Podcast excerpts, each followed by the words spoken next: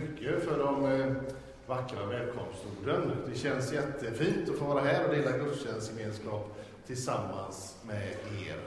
Mitt namn är alltså Lasse Svensson och eh, jag är kyrkoledare, det är alldeles riktigt. Eh, bor söder om Göteborg i Kungsbacka kommun, i en liten ort som heter Valda. Där jag bor tillsammans med fru och tre pojkar och en liten, i mitt tycke, ganska obehaglig katt.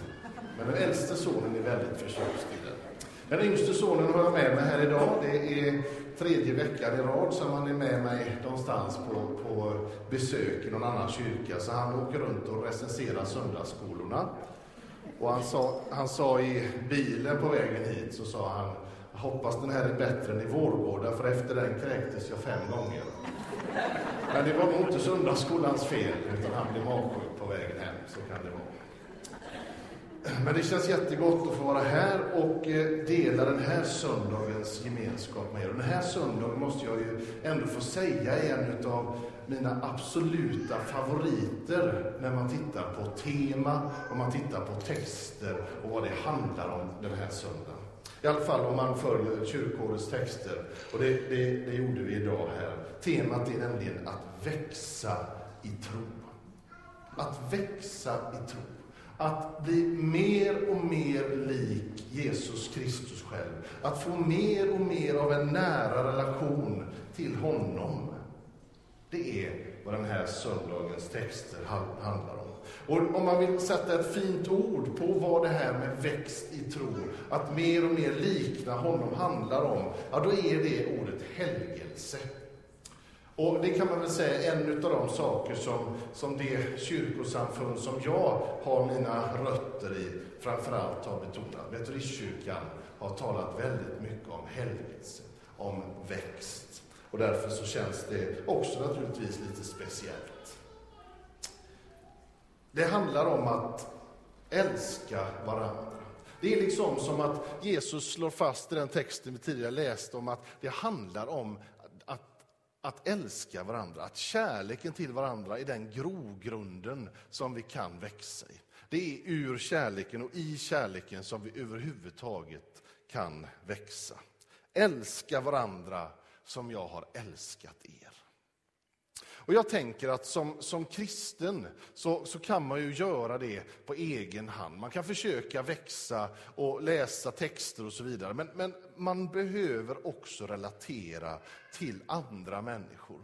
Och det gör man ju förvisso i texter, men man behöver också den där gemenskapen som församlingen ger.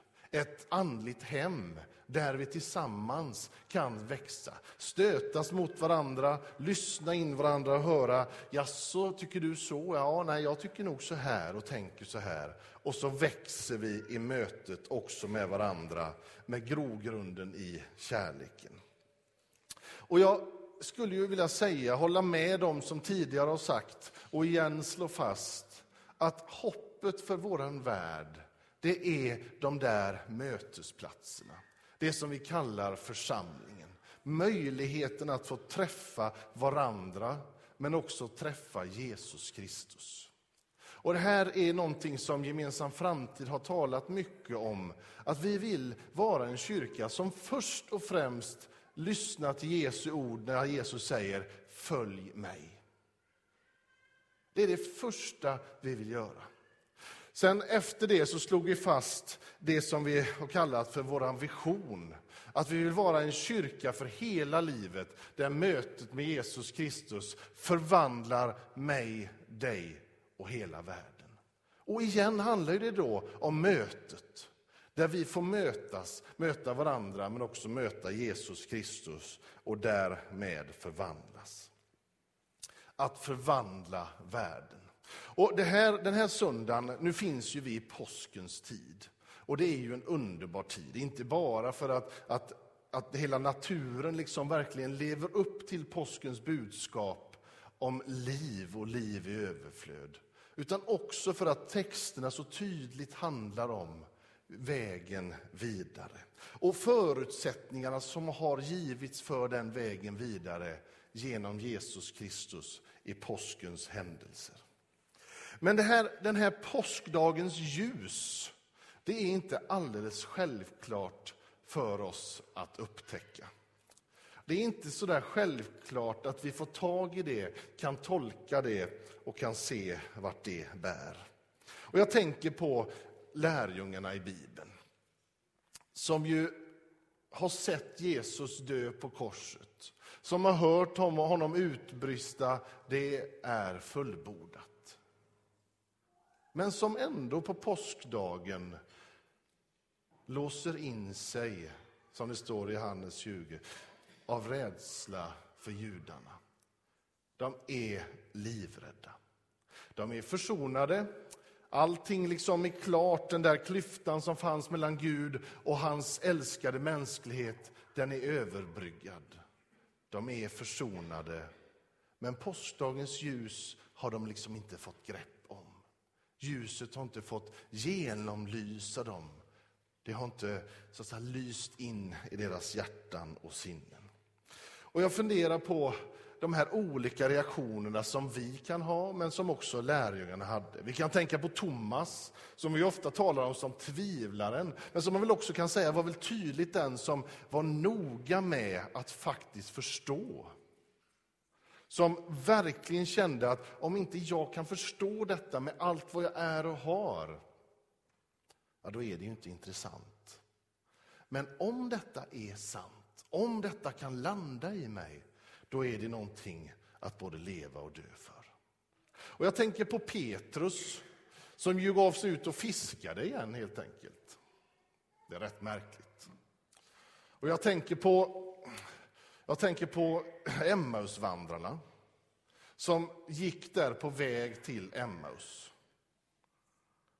Och som ju på något sätt funderade och samtalade och sa, vad blir det nu av detta?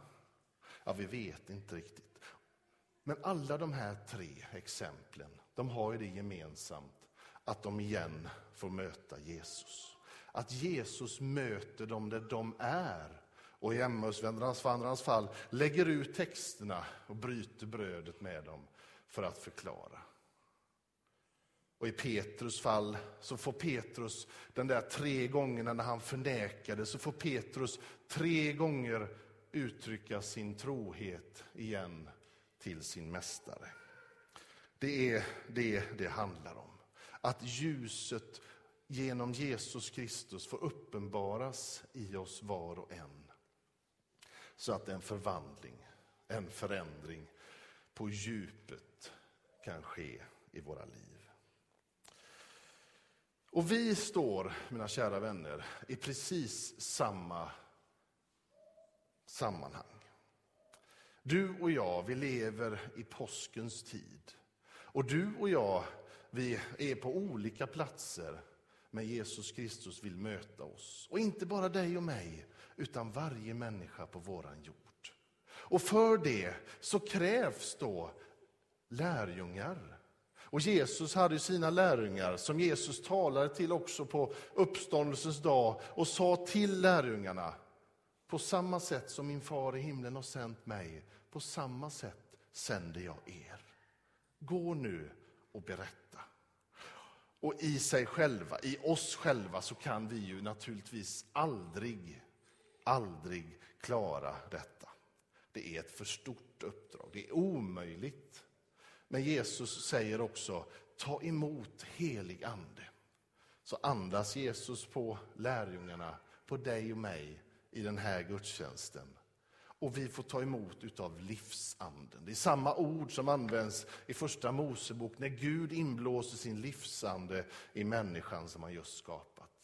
Vi får ta emot liv och ljus på ett nytt sätt. På ett sätt som vi aldrig har förut har sett. Hur ska vi då gå vidare i vår sändning? För det är ju det som den här växten handlar om.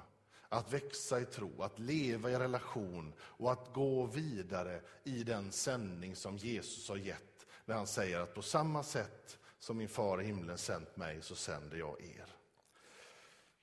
Jag tror att vi ska titta på Jesus. För Jesus säger just på samma sätt som. Alltså är Jesus också i det här ett föredöme och ett exempel för oss.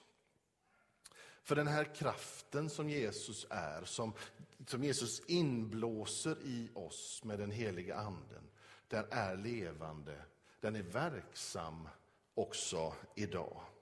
Vi förhåller oss inte till ett musealt föremål eller en, en historisk händelse, något vi bara läser om i en bok.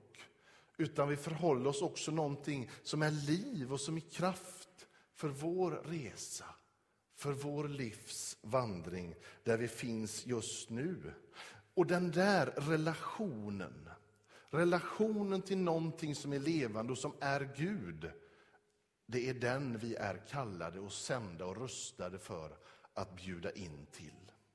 Och jag tror när vi möts i det här som jag skulle vilja säga är något av det vackraste och det bästa som finns, den kristna församlingen. Och när vi möts tillsammans, till exempel här idag och firar gudstjänst tillsammans, så, så vet ju vi att vi finns ju i världen, men vi är liksom inte av världen. Vi finns i en kallelse att förvän, förvandla världen genom att jag och du förvandlas och så vidare. Och därmed så finns vi också i någon slags spänning. Det finns ett spänningsförhållande mellan den kristna kyrkan och omgivningen. Och hur hanterar vi det? I Gemensam framtids grunddokument så, så finns det ett, ett uttryck som, som jag tror faktiskt vi har skapat. Och det är att vi talar om Gudsrikets annorlundahet. Det är inte säkert att det ordet fanns innan. Gudsrikets annorlundahet. Och det finns någonting radikalt annorlunda i det som är Gudsriket och hos Gudsrikets folk som är den kristna församlingen någonting radikalt annorlunda. En annorlundahet som vi behöver öva oss på att förhålla oss till och framförallt öva oss på hur vi delar med oss av. Hur talar vi om denna annorlundahet? Och jag brukar ge tre snabba exempel på där jag själv, skulle jag nog vilja säga, har lite gått vilse i mina försök att dela med mig av Gudsrikets annorlundahet. Det första exemplet handlar om när jag hade varit pastor i bara ett år och fick en kallelse att åka till Finland och predika en helg. Och det, jag kände det här var det mest fantastiska som har hänt. Jag skulle få evangelisera hela världen, eller i alla fall Finland. Och jag kände yes! Och jag var ganska så rejält uppumpad för detta, ska ni veta. Jag, jag kände som att nu är världens chans att stå upp för evangeliet, verkligen. Så jag åkte upp till Landvetter flygplats och på utrikesavdelningen där så träffade jag en gammal klasskompis från, från lågstadiet var det väl, kanske mellanstadiet, som hette Steve, eller han kallades jag vet inte vad han hette. Och han, sa, han visste ju att jag var med i kyrkan redan då och min pappa var pastor och sådär, så han sa, du är du fortfarande med i kyrkan? Jajamän, sa jag. Och jag kände nu, här har vi läget. Så sa han, vi hade ju pratat och presenterat oss och där, så sa han, men du det här, är det inte väldigt instängt och trångt i kyrkan? Och jag sa, Steve, och jag tror undrar om inte jag tog honom på axlarna så här. Jag är aldrig så fri som när jag är bunden vid korsträdets stam. Och så tittade han på mig och så sa han, är du bunden? Och jag kände att jag kanske för mig var ju detta något av det vackraste och det finaste. Jag säga. Ett bildspråk som jag har vuxit upp med, som jag har lärt mig förstå, lärt mig tolka in. Men jag kände att det gick inte riktigt hem, så jag tänkte jag får ta i ännu mer. Så jag sa, jag är tvättad i Lammets blod. Och Steve tittade på mig och så sa han, lycka till med det du. Och så skildes vi åt. Och jag kände mig rätt så dum, för för mig var det där sanna och viktiga ord. Men annorlundaheten var väldigt tydlig, men inte på det sätt som jag hade hoppats. Och jag tänkte faktiskt att jag skulle lära mig det, så bara någon, några veckor senare när våran, våran äldste son, eller jag undrar om inte han var äldre son då, nej det var inte, vi hade så, ja. han var spelade, spelade sin allra första fotbollsmatch. Och jag och några papper stod där vid sidlinjen, och de var så här höga ungefär. Och Det var svårt att se att det var fotboll. Det var liksom bara massa barn som sprang fram och tillbaka i en klump så här. Och vi var ju säkra på, alla vi papper, att just våran son var ju den nästa stjärnan, så att säga. Så säger den ena pappan som står närmst mig där, så säger han, du är med i kyrkan va? Och jag minns ju det här som jag senare har, har talat om som Landvetterdebaclet då. Så jag, jag säger ja. Och så tänker jag, nu får jag inte skrämmas. Jag får inte skrämma bort honom nu, för jag, jag lärde mig någonting med Steve där. Så han säger, vad gör ni i kyrkan egentligen? Oj, tänkte jag. Ja, vi sjunger lite. Jaha, vad gör ni mer då? Dricker kaffe mycket. Jaha, är det inte mer? Det är ju någon som talar, det är det också. Det. Jaha. Jag är inte säker på att det var precis orden föll, men ungefär, för jag vet att jag i bilen på hem därifrån med, med Lill-Zlatan i baksätet, så vet jag att jag tänkte det, vad skulle göra att han skulle komma till kyrkan någon gång? Det finns ju liksom ingenting där som är varken annorlunda eller speciellt eller sticker ut. Men jag tror faktiskt ganska ofta så faller vi också i den gropen, eller i det diket. Att vi talar om kyrkan som att det är inget särskilt, det är inget konstigt. Men det är rätt så särskilt. Och det är rätt så konstigt att vi tror på en levande Gud som steg ner till jorden, inte bara för att hälsa på, utan för att bli människa. För att dela livsbetingelserna. För att förstå oss och för att vi ska förstå vem Gud är. Det är rätt märkligt. Det är rätt stort. Det är rätt annorlunda. Och jag vet inte, jag känner... Det finns ett, jag ska inte säga tredje dike, det kan man väl inte säga, men tredje, en tredje fallgrop som jag själv har landat ibland, det är att tala om hur det känns. Men det där med känslor är ju rätt svårt. För det är ju underbart, tänk när vi sjunger tillsammans, när vi ber tillsammans, så känns det ju underbart gott. Men känslor är ju inte alldeles enkelt. Jag tänkte, jag, i, i höstas skulle jag åka till Ryssland och jag sa till min fru att nu åker jag till Ryssland, är borta i fem, sex dagar, eller vad det var. Och så tänkte jag på henne, hon jobbar heltid och hon är hemma otroligt mycket och jag bara reser och flänger runt.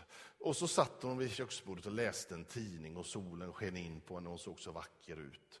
Och jag tänkte, jag måste ju säga till den hur mycket jag älskar den. vad tacksam jag är för allt vad hon gör för mig och för, för oss och, och så.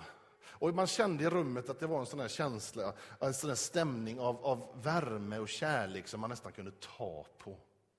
Så jag sätter ner mina väskor och så tänker jag nu ska jag säga det till henne. Och precis när jag ska säga det lägger hon ner tidningen och jag vet att jag hann tänka, ja nu hann hon först.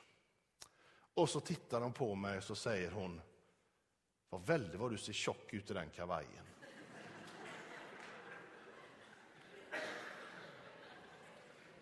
Och jag kände någonstans att jag väntar lite med att säga hur mycket jag älskar henne.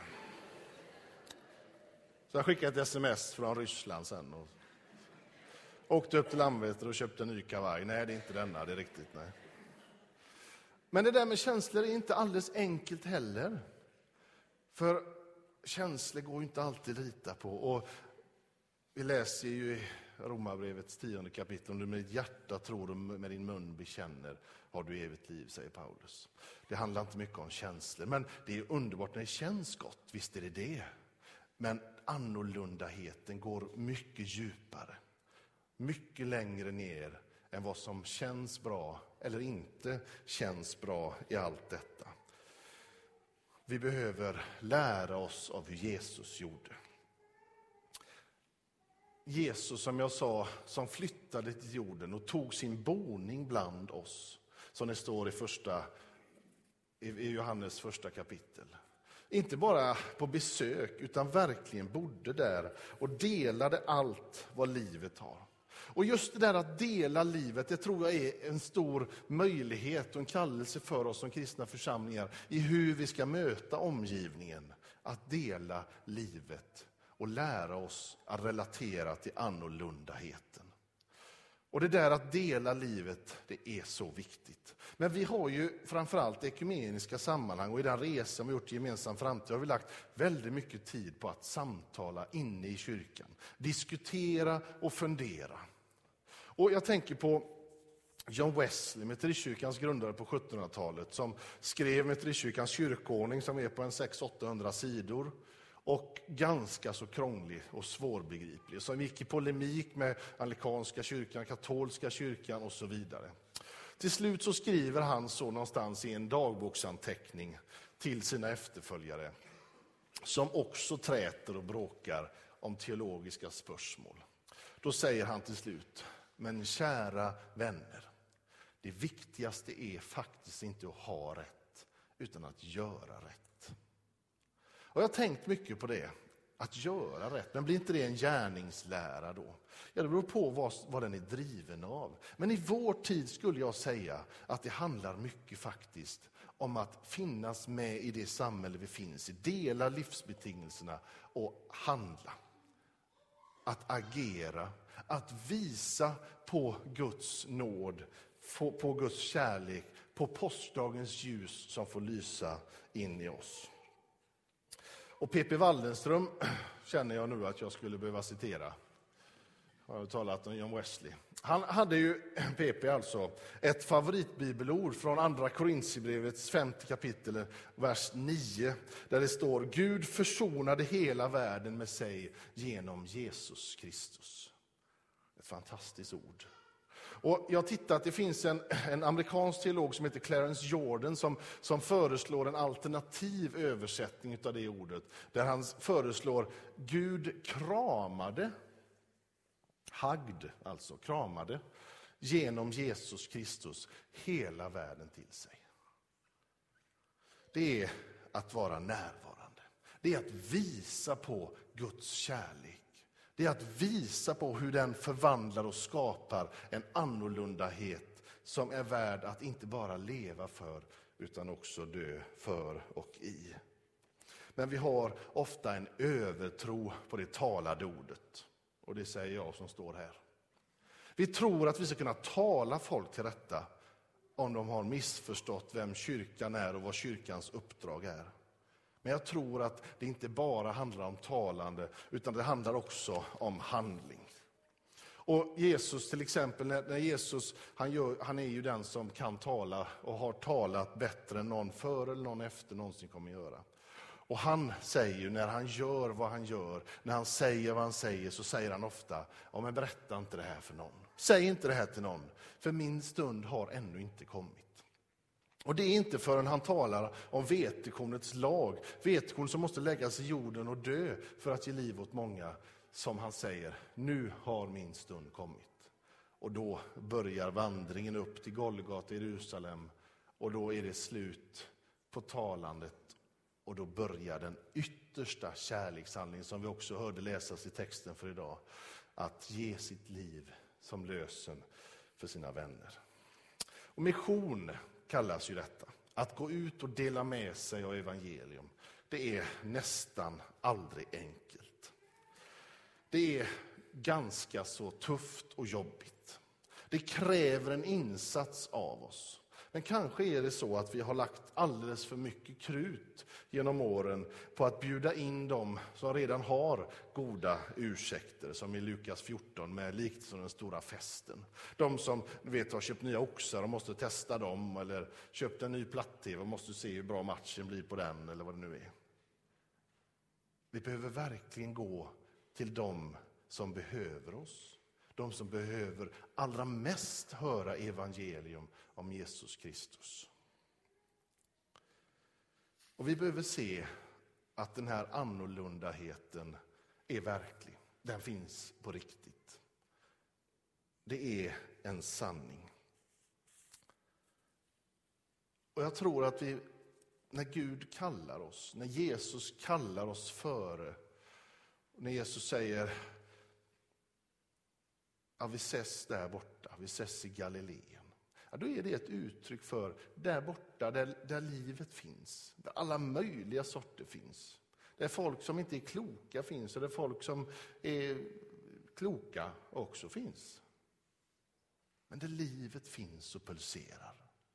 Det är där vi ska möta Jesus Kristus. Vi ska inte bära Jesus Kristus. Det är ofta så vi tänker. Vi måste bära ut Kristus i samhället. Kristus är där för länge sedan, har alltid varit där. Det är oss Kristus väntar på för att hjälpa till och tala om annorlundaheten.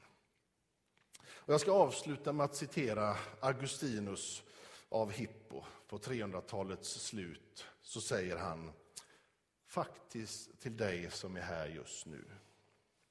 Ni är Kristi kropp.